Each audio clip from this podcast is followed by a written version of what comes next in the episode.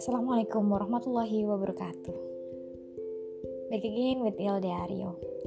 Today's episode is special and a bit different from two previous episodes. I'm not gonna be accompanied by Yasmin. Today is the discussion between us, only between me and you. This is about the question you have to answer when you decide to live abroad as a hijabi woman. Why do you cover yourself? How and why are you wearing a hijab? This is not a simple question to answer. This is a very difficult question.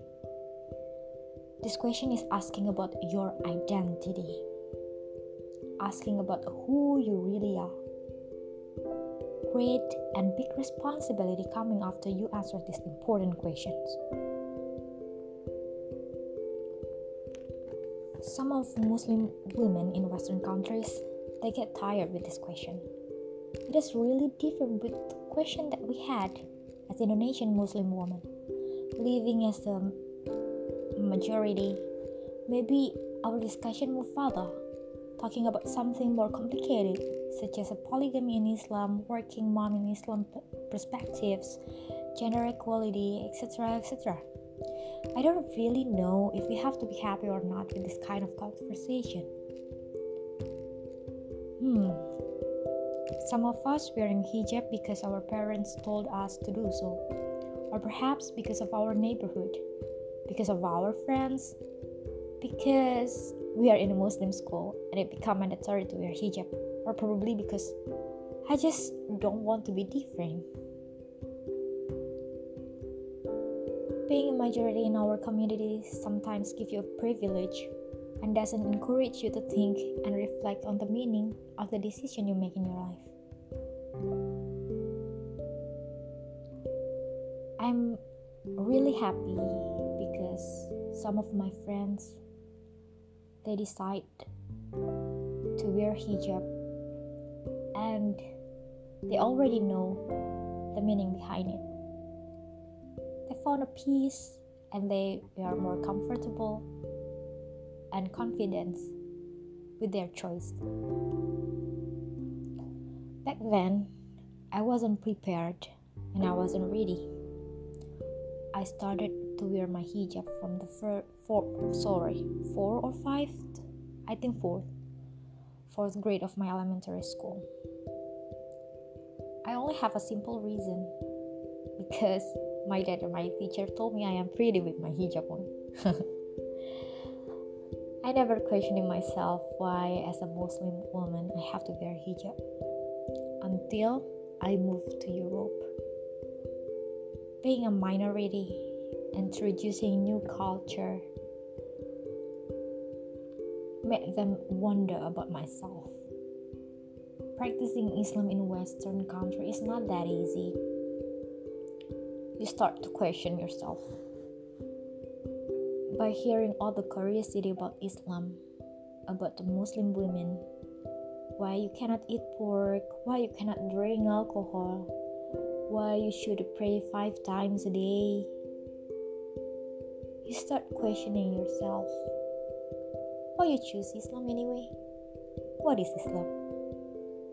If you are ready to answer it, then I'm not worried about you. If you are willing to live abroad in Western countries, then be ready. Be ready. You are expected to talk about being Muslim women and your hijab. The usual conversation about Muslim women focus on what we wear, our bodies, and our behavior seeing us mainly as a victim of sexism. The, wa- the way of the issues rises and how society picking up the discussions make it seems all the problem facing Muslim women coming from Muslim men and Islam makes it seems that sexism is a Muslim problem. Well, in fact, it's everybody's problem. For example, let me give you one example. The French regulations about banning women with burkini to swim in the pool. It happened last year. You can still Google it anyway. The headline was French city shuts down public pools after two wear burkinis. I'm talking about burkinis, not bikini. Burkinis is the full body swimsuit that some women wear to the beach. The assumption behind the ban was Muslim men forced Muslim women to cover their bodies. The local member of parliament, Eric Ciotti, of the right wing Republicans Party, said on his Twitter that the burkini has no place in French, where women are equal to men. I cited from the Guardian Post. So, in order to liberate them, they made them undress. This is the irony. Forcing somebody to undress is just as violent and oppressive as forcing them to dress in a certain way. Sometimes sexism overlaps with racism and Islamophobia. Physical and verbal harassment issues also faced by Muslim women day by day due to Islamophobia. Muslim women sometimes discriminated against in employment in their workplace. One of the friends of mine told me that she has to take off her veil in her like uh, photograph of the, the cover letter for um, like employment recruitment this is not nice. Migrant refugee asylum seeking muslim women etc etc that's the real big issue we are currently facing in this modern world. You don't have to be ready to answer all these questions, but you can make a single action, and the way you deliver for yourself as a Muslim woman could change the world's misconceptions about Muslim women and can help other Muslim sisters. This is a story of one of my Indonesian fellows. That day, she went to the class a bit late. She sit with another friend. She tried to make a new friend in her. Surprisingly, her new foreigner friend said to her that she never approached her because she was terrified.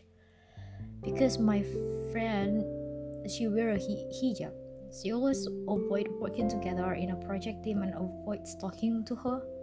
And that day is the last day of the class and she doesn't have a choice to move to another seat so apparently she stood together with my friend. She has the image of Muslim women terrifying, not nice and fierce. She asked my friend innocently, Why is your religion say that it's okay to kill other people? She, she misunderstood the Quran verses about jihad and the conduct of war in Islam. She said, I was taught and from what I've heard and what I've read, it draws a scary image of Muslim. But after I talk to you, why is it different? Why do you always smile? That's what she said to her. So, small act can change the misconception of Islam. Behave with people in an honorable way. Treat people with respect, whether they are younger than you or older whether they are rich or they are poor, whether they are Muslim or they are non Muslim. Behave with people in a respectful manner because your action represent Islam. There is always a consequence behind your veil. A responsibility when you show and say, I am a Muslim. That time when people look at you, they will look at us. They will say, That is Islam. So, my question for you is what sort of Islam are you representing of? What image are you giving to the people about Islam?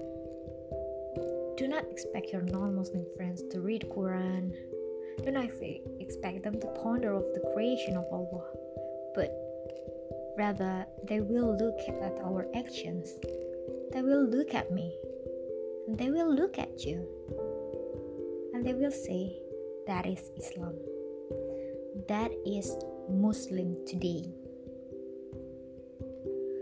Try our best as representative of our Muslim communities. I'm not yet a good nor the best representative, but I'm trying to learn to be better at introducing myself, introducing Islam to the world. And now I am inviting you to do the same. Wassalamualaikum warahmatullahi wabarakatuh.